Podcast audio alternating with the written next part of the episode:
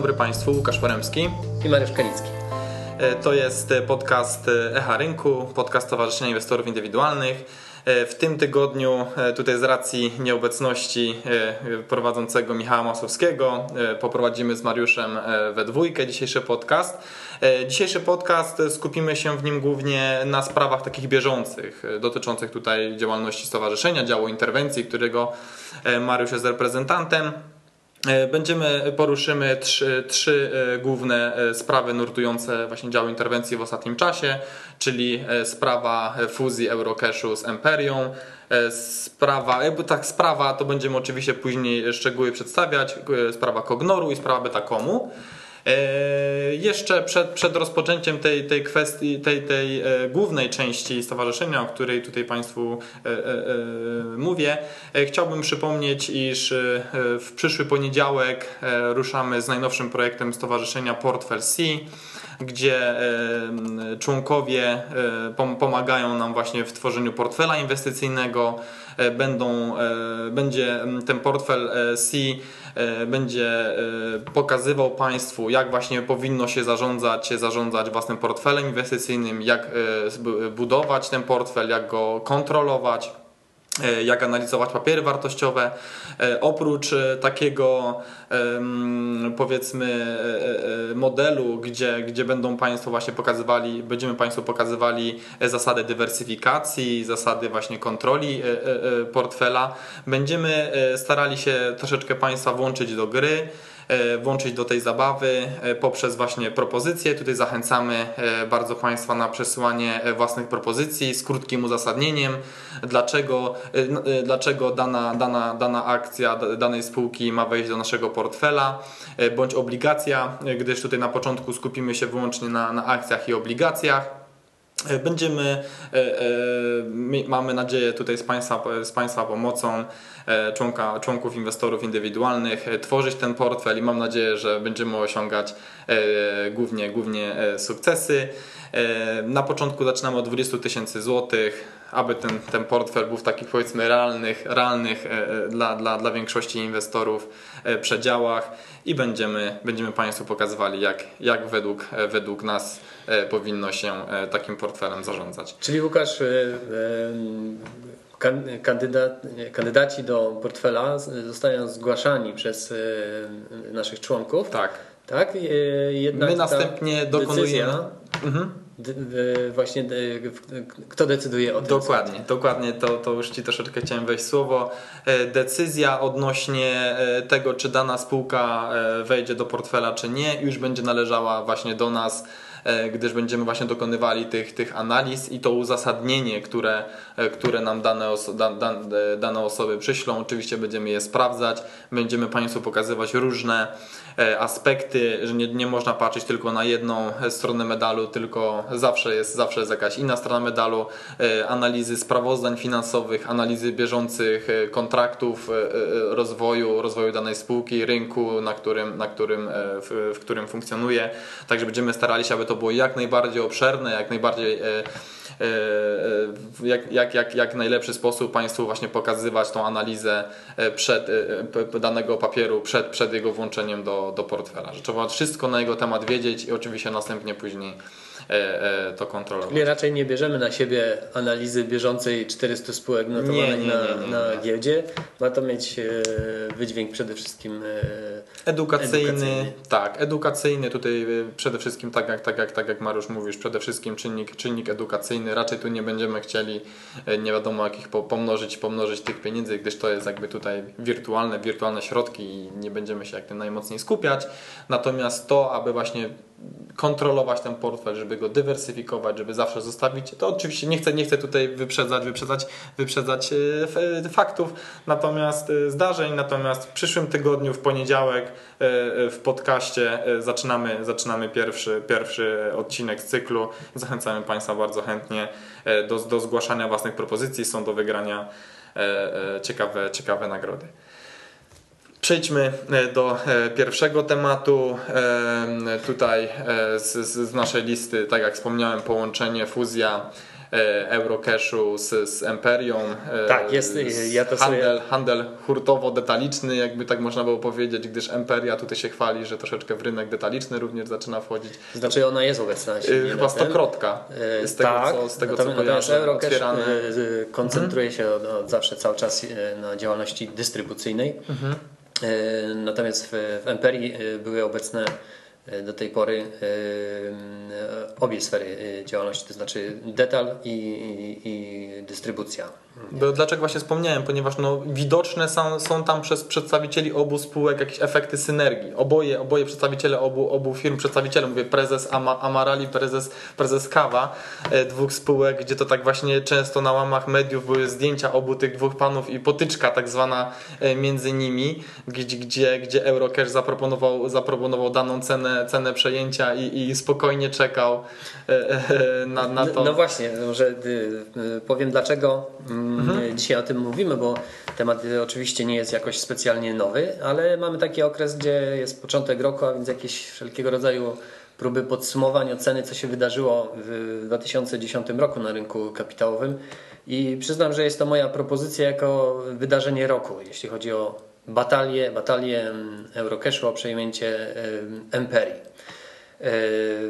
E, pierwsze takie e, silne e, pojawienie się tematu nastąpiło we wrześniu, kiedy parkiet doniósł do o próbie Eurocashu propozycji strony Emperii o połączeniu. I Nastąpiło później szereg e, bardzo ciekawych wydarzeń, bardzo złożonych, skomplikowanych zabiegów, intensywnych. E, wykazano dużą determinację po obu e, stronach i na końcu osiągnięto ugodę. Ale ta droga była, ta ugoda, czy ugoda, porozumienie, porozumienie jest dość zaskakujące na tle właśnie tych kilkumiesięcznych sporów i zabiegów.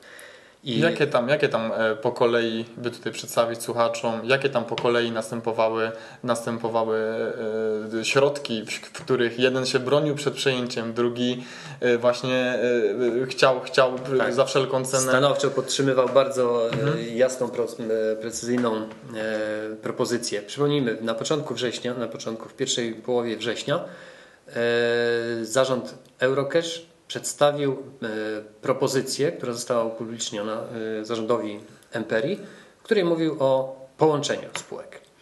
E, przy czym tu trzeba zaznaczyć, że dosyć interesujące to było to położenie tej propozycji, mianowicie na stół została położona bardzo konkretna propozycja.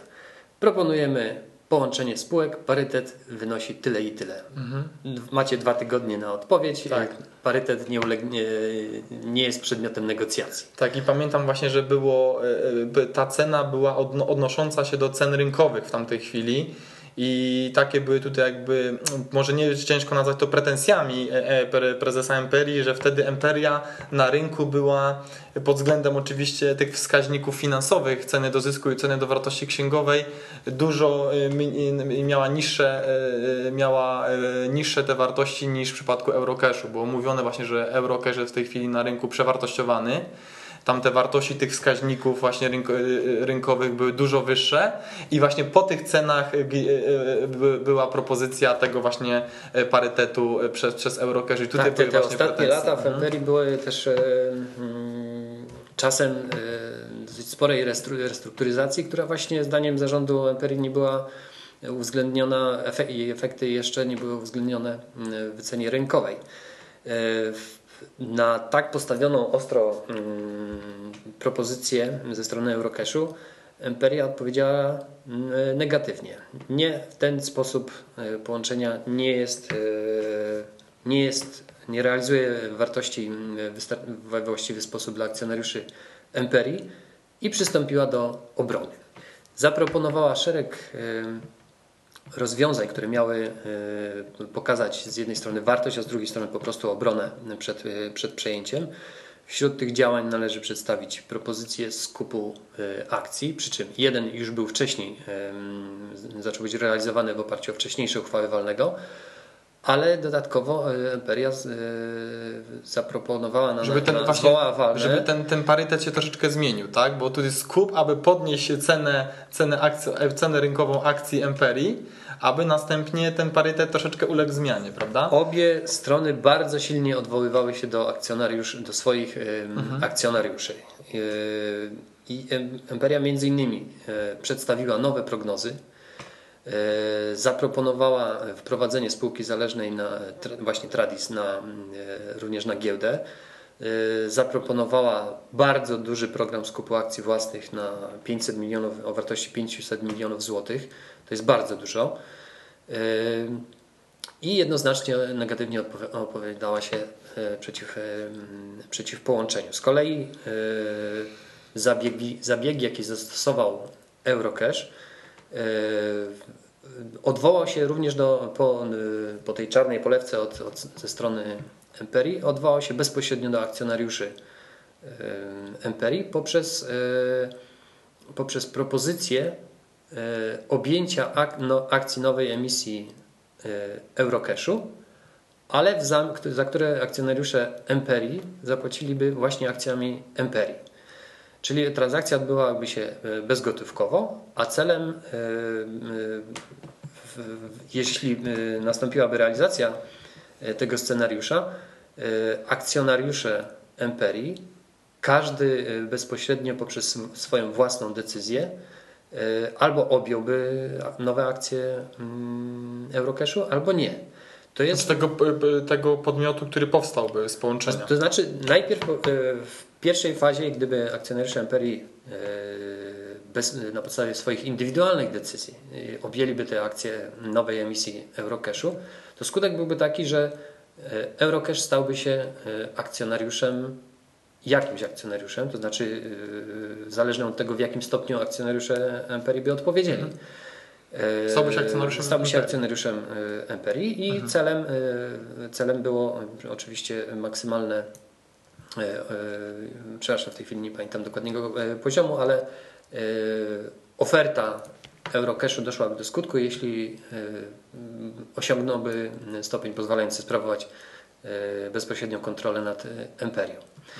I, czyli mielibyśmy pierwszy raz w historii taką sytuację, w której nie tyle, bo to, że akcje byłyby wydawane za akcje, to owszem, takie sytuacje w przypadku połączenia mieliśmy już wcześniej do czynienia Natomiast tutaj nie następowałoby automatyczne, e, w żaden sposób automatyzm. To znaczy, tylko ci akcjonariusze Emperii dostaliby nowe akcje Eurocashu, którzy zgodziliby się je objąć, czyli tu nie decydowały walne o tym, że, że o połączeniu, tylko yy, to, to była bardzo propozycja... bardzo ciekawa zagrywka ze strony, ze strony Eurocashu. No, bo to było pierwszy raz y, w historii naszej Ponieważ w Emperii jest bardzo rozdrobniony ten akcjonariat. Y, z, z, tego, z tego co pamiętam, najwięksi akcjonariusze mają tam bo bodajże, bodajże pan, pan Artur Kawa ma 8%, 8% akcji, jak dobrze pamiętam. Tak, tak, to tak się wydaje, ale tak naprawdę mm, zarząd, założyciele, jeszcze wcześniej spółki Eldorado, mhm. później zmieniła nazwę na mm, Emperia, E, założyciele i e, obecnie członkowie władz e, Emperii jednak tego kapitału mają łącznie sporo. I oprócz tego są obecne mm, fundusze. Zresztą w obu spółkach. W obu spółkach, przy czym trzeba dodać, tak jak mówisz, w Eurocashu, Eurocashu jest jeden no, dominujący akcjonariusz poprzez spółkę w osobie pana prezesa, pana Luisa Amarala. Yy, i oprócz tego sporo yy, akcjonariuszy instytucjonalnych. Mhm. I yy, jeszcze, żebym, żebym dodał, w momencie, kiedy ta propozycja była położona na stół i upubliczniona, po tych dwóch tygodniach, kiedy było jasne, że zarząd nie popiera tego rozwiązania, okazało się, że spółka Eurocash już miała przygotowany prospekt, który, który jakby, który, w który był wbudowany scenariusz inny niż ta propozycja złożona, e, przedłożona e, Emperii, akcjonariuszom Emperii. Przypomnijmy jeszcze, że cały czas prezes Amaral podkreślał, parytet nie ulegnie zmianie. Zadania, które stawiała sobie spółka Emperia w trakcie obrony były dość ambitny, o bardzo dużej skali i pojawiały się też pytania, czy tak, tak dużo różnych zabiegów, a więc zmiany przede wszystkim w strukturze poprzez duży program, bardzo duży program buybacku, poprzez upublicznienie spółki zależnej E, poprzez możliwość e, emitowania nowych, e, nowych akcji. Czy te wszystkie działania, jeśli nawet posłużą obronie, to czy zarząd MPR będzie mógł się skoncentrować rzeczywiście na, biznesie. na biznesie, a nie odciągany od tego biznesu? Wydawało się, że to po, po, mm, ten scenariusz jest, będzie trudny do, do zrealizowania. Przypomnijmy, każdy akcjonariusz MPR osobiście decydował o tym, czy ewentualnie E, objąć akcje Eurocashu w zamian za akcje Emperi. E, pod koniec roku mieliśmy sytuację, w której spółka Eurocash czekała na zgodę Urzędu Ochrony e, Konkurencji Konsumentów na objęcie kontroli nad, w ten sposób nad Emperią. I z tego względu pewne wydarzenia troszkę straciły na dynamice pod koniec roku, ale na początku roku otrzymaliśmy informację, że spółki do, doszły do porozumienia i e, w następstwie czego scenariusz był jeszcze inny poprzez sprzedaż, sprzedaż spółki dystrybucyjnej Emperii do Eurocashu i to jest to, o co tak naprawdę chodziło Eurocashowi. Po sprzedaży przez Emperię spółki Tradis do Eurocashu ma pozostać, Emperia będzie się koncentrować na działalności detalicznej, a Eurocash, e, tak jak wcześniej, e, na działalności dystrybucyjnej. Tam jest jeszcze szereg ciekawych Czyli ta wątków. spółka Tradis to jest e, ten hurtowy? To jest główna, główna spółka tak, z grupy Emperii, która, będzie się, która zajmuje się dystrybucją. Mhm. Tam jest jeszcze szereg innych spółek, ale one nie mają mhm. takiej wagi jak właśnie ta, ta Tradis. I zawiera tam również dosyć skomplikowane mm, rozwiązania, to znaczy płatność za, za tą tradis ma być częściowo w gotówce, częściowo w, w, w akcjach właśnie Euro, Eurocashu mhm. I, różne zastrzeżenia, które mogą mieć wpływ na ostateczne rozliczenie, ale y, osobiście uważam, że jest te zabiegi, które miały to miejsce, były y, naprawdę wyjątkowe w, w skali y, dotychczasowej historii naszej, naszej giełdy.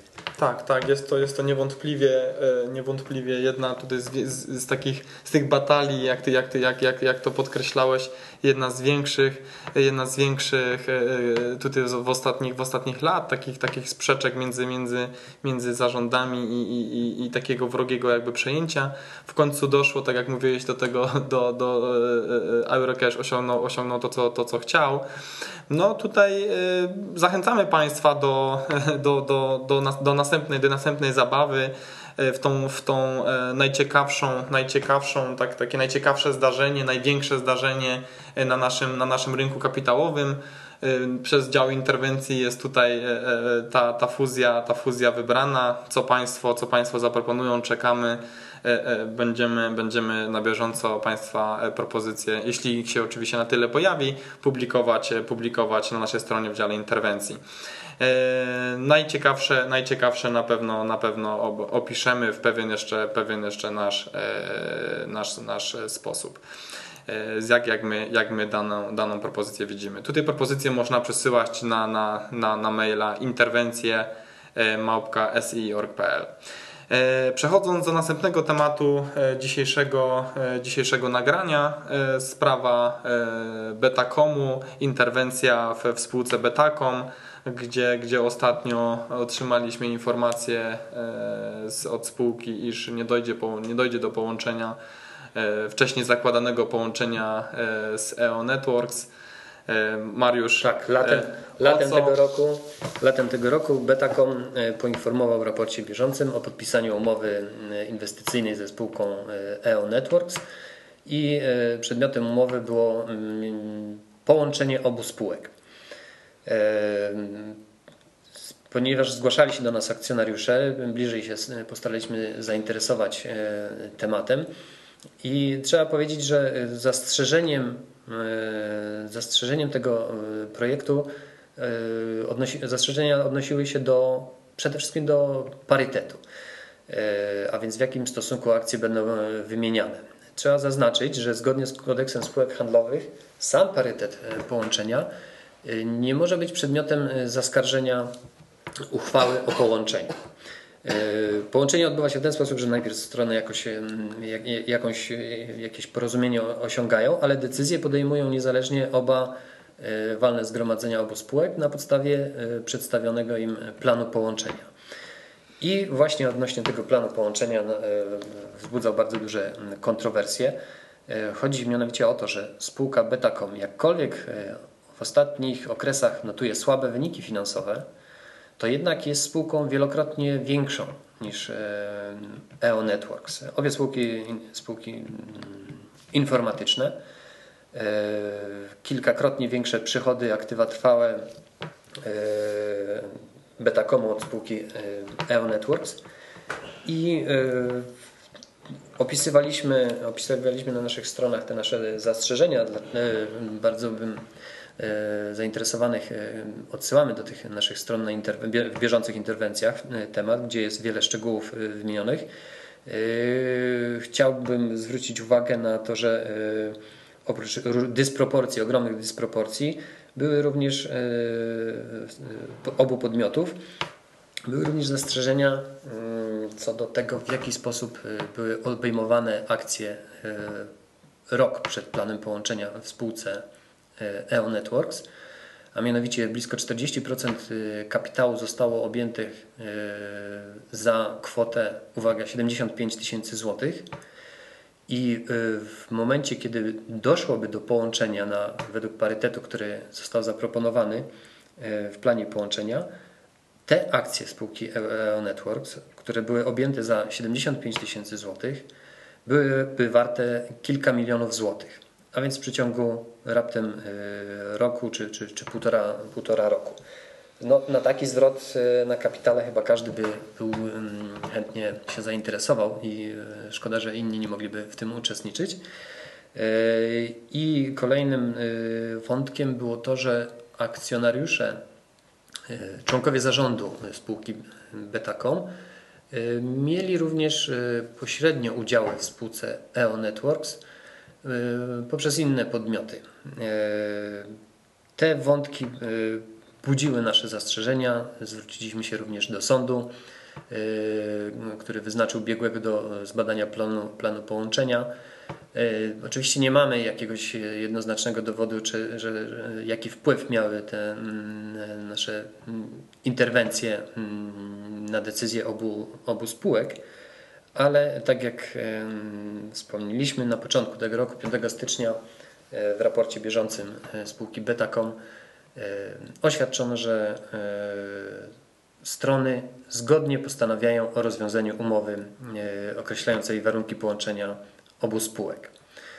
E, czy, czy należy się z tego cieszyć, to oczywiście trudno e, powiedzieć. Jeżeli można, e, możemy się spodziewać, że jeżeli spółka EO Networks jest bardzo dobra, bardzo dobra, rzeczywiście, pewnie sama rozważy wejście na giełdę bezpośrednio sama. Jeżeli jest, jeżeli natomiast co po stronie spółki Betacom, no wydaje się, że, że ma i aktywa, i historię, która pozwala budować wartość dla akcjonariuszy w oparciu o e, własne e, zasoby. Jeżeli jest propozycja, e, jak, w jaki sposób byłaby podtrzymana, to chcielibyśmy, aby ta wycena mm, obu podmiotów następowała w bardziej przejrzysty sposób. Dopowiem, stowarzyszenie zwróciło się do spółki Betacom o prezentację tych tych wycen. E, otrzymaliśmy tylko informację, że będą e, różne mm, e, w planie połączenia wyceny obu spółek następowały różnymi metodami, co uważamy za, za niewłaściwe, a efekt jako odstąpienie od tej umowy inwestycyjnej odbieramy jako wartość dla akcjonariuszy spółki Betacom. I chciałbym jeszcze, Łukasz, powiedzieć, e, kończąc wątek e, ten ostatni, o tym, e, czy, czy inwestorzy indywidualni, inwestorzy mniejszościowi mają coś do powiedzenia w innych spółkach, na przykładzie spółki Cognor. Kognar do tej, do tej pory znany jako dystrybutor stali. Wcześniej spółka była notowana pod nazwą Centrostal Gdańsk. Ostatnie lata miało raczej ciężkie, kiepskie. Były notowane miał jakby dwie części e, nazywane polską częścią dystrybucyjną i austriacką e, dystrybucyjną. W ostatnim, e, pod koniec tego roku, spółka zdecydowała o sprzedaży dystrybucji i budowaniu swojej strategii na produkcji.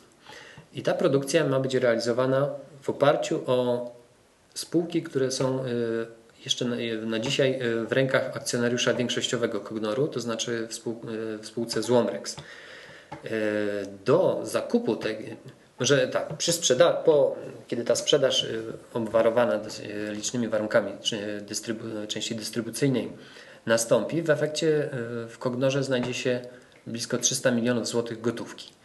Ta gotówka ma być między innymi przeznaczona na zakup części produkcyjnej, i taką, taki pomysł został przedstawiony przez e, Złomrex, czyli od akcjonariusza większościowego. Taka transakcja oczywiście wzbudza zainteresowanie mm, rynku, przede wszystkim akcjonariuszy i jest przedmiotem szczególnej wnikliwości ze strony inwestorów.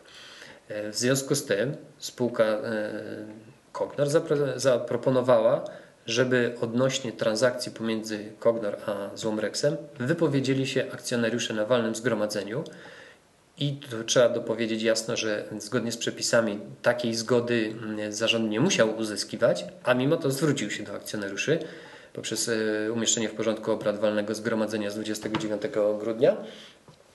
A sam Złomrex zadeklarował, że w tej sprawie jako mm, strona ewentualnej transakcji nie będzie głosował. Tak, czyli główny akcjonariusz y, spółki Kognor który miał brać udział jakby z drugiej strony również w tym, w tym przejęciu tych aktywów, wstrzymał się, wstrzymał się od głosu, którego nie musiał się wstrzymywać, bo w ogóle nie, trzeba było na ten temat podejmować decyzji.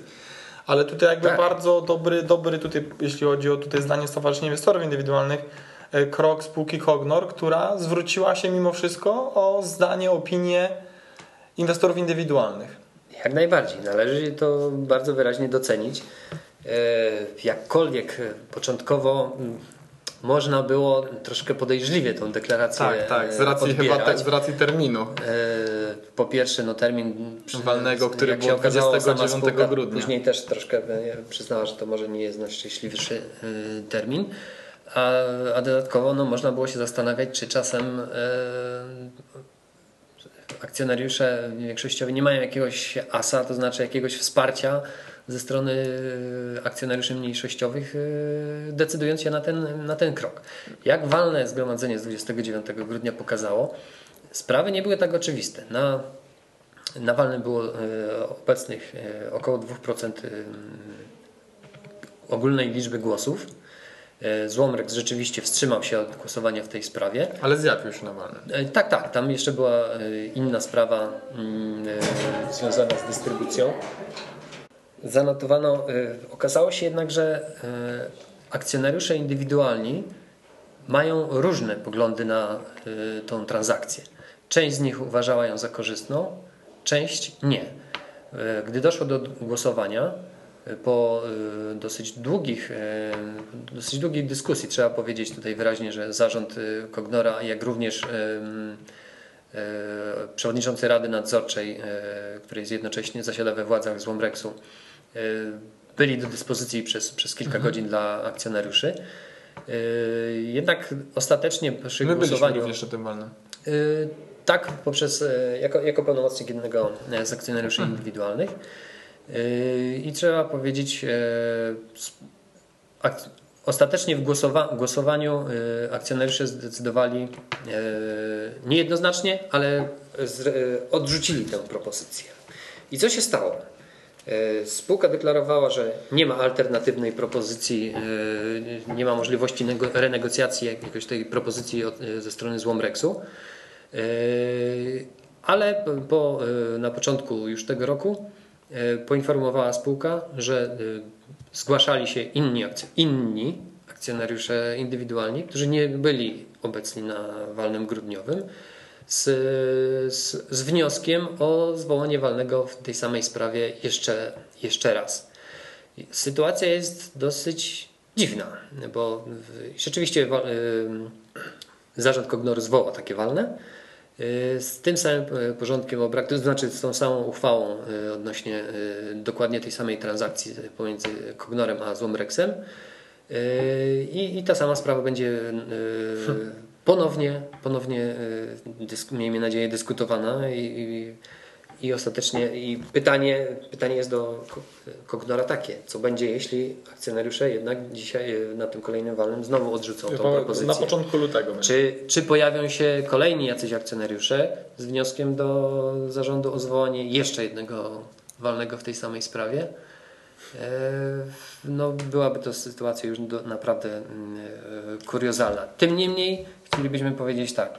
Zachęcamy, pamiętając o tym, że akcjonariusze, wszyscy akcjonariusze mają prawo mieć odmienne zdanie do, do, co, do, co do sposobu głosowania, to jednak zachęcamy bardzo mocno wszystkich akcjonariuszy indywidualnych i mniejszościowych do obecności na tym walnym zgromadzeniu i wypowiedzeniu się w sposób jednoznaczny za lub przeciw tej transakcji. E, spółka deklarowała, że, że oprócz tej prezentacji, którą przygotowała wcześniej, będzie również e, przedstawiać, uzasadniać E, przedstawić uzasadnienie dla tej, dla tej transakcji i bardzo mocno e, zachęcamy wszystkich akcjonariuszy Kognor do uczestnictwa w, w tym walnym zgromadzeniu. Ewentualnie do wystawienia e, pełnomocnictwa dla, dla przedstawiciela stowarzyszenia. Jak najbardziej. Dla, dla... Ewentualnie z jakąś powiedzmy z pewnym uzasadnieniem może swojego, swojego, swojego głosu, może Oczywiście, najprawdopodobniej, który, który my następnie w Państwa imieniu Pamiętajmy, że pełnomocnictwo można przekazać e, dowolnemu, uznanemu przez siebie osobie czy podmiotowi, e, e, któremu w ocenie akcjonariusza można jakoś polegać i przekazać to pełnomocnictwo. Mhm. Pamiętajmy też, że można przekazać pełnomocnictwo wraz z precyzyjną instrukcją głosowania. Nawet tutaj wypada wspomnieć o tym, że jest możliwe przekazanie pełnomocnictwa e, nawet zarządowi e, spółki Kognor. E, w tym razem już zdecydowanie to musiałoby być wraz z instrukcją głosowania. Także akcjonariusze, no warto, żeby, żeby się mogli wypowiedzieć, jeśli nie mogą się wypowiedzieć bezpośrednio, bezpośrednim uczestnictwem. Instytucja pełnomocnictwa jest tak rozbudowana, że można sobie z tym poradzić, do czego gorąco zachęcamy. Tak, tym bardziej, że rozmiary tej transakcji są, są, są, są, są olbrzymie. Tam przejęcie, przejęcie tych, tych, tych spółek ma być na kwotę z tego co pamiętam 700, ponad 700 milionów złotych, także to... Tak i to miałoby w efekcie wygenerować zobowiązania po stronie yy, po stronie Kognoru mhm. wobec e, Złomrexu na poziomie 500 milionów złotych, także mhm. to są bardzo poważne Tak, czyli znacząca, znacząca, znaczące, znacząca umowa, znaczące przejęcie, także to akcjonariusze zachęcamy tutaj do interesowania się daną, daną sprawą. No to będziemy Mariuszu powoli kończyli. E, jeszcze raz e, chciałbym przypomnieć Państwu na, na, na koniec o przesyłaniu propozycji do portfela C, który, którego debiut odbędzie się w przyszłym odcinku e, podcastu Echa Rynki. Na adres mailowy, proszę, propozycję proszę przesyłać na adres mailowy portfel.si.pl wraz z krótkim uzasadnieniem. No to dziękujemy bardzo. To był, podcast, to był podcast Echa Rynku. Dziękuję Państwu bardzo. Łukasz Poremski. Mariusz Kanicki. Dziękuję.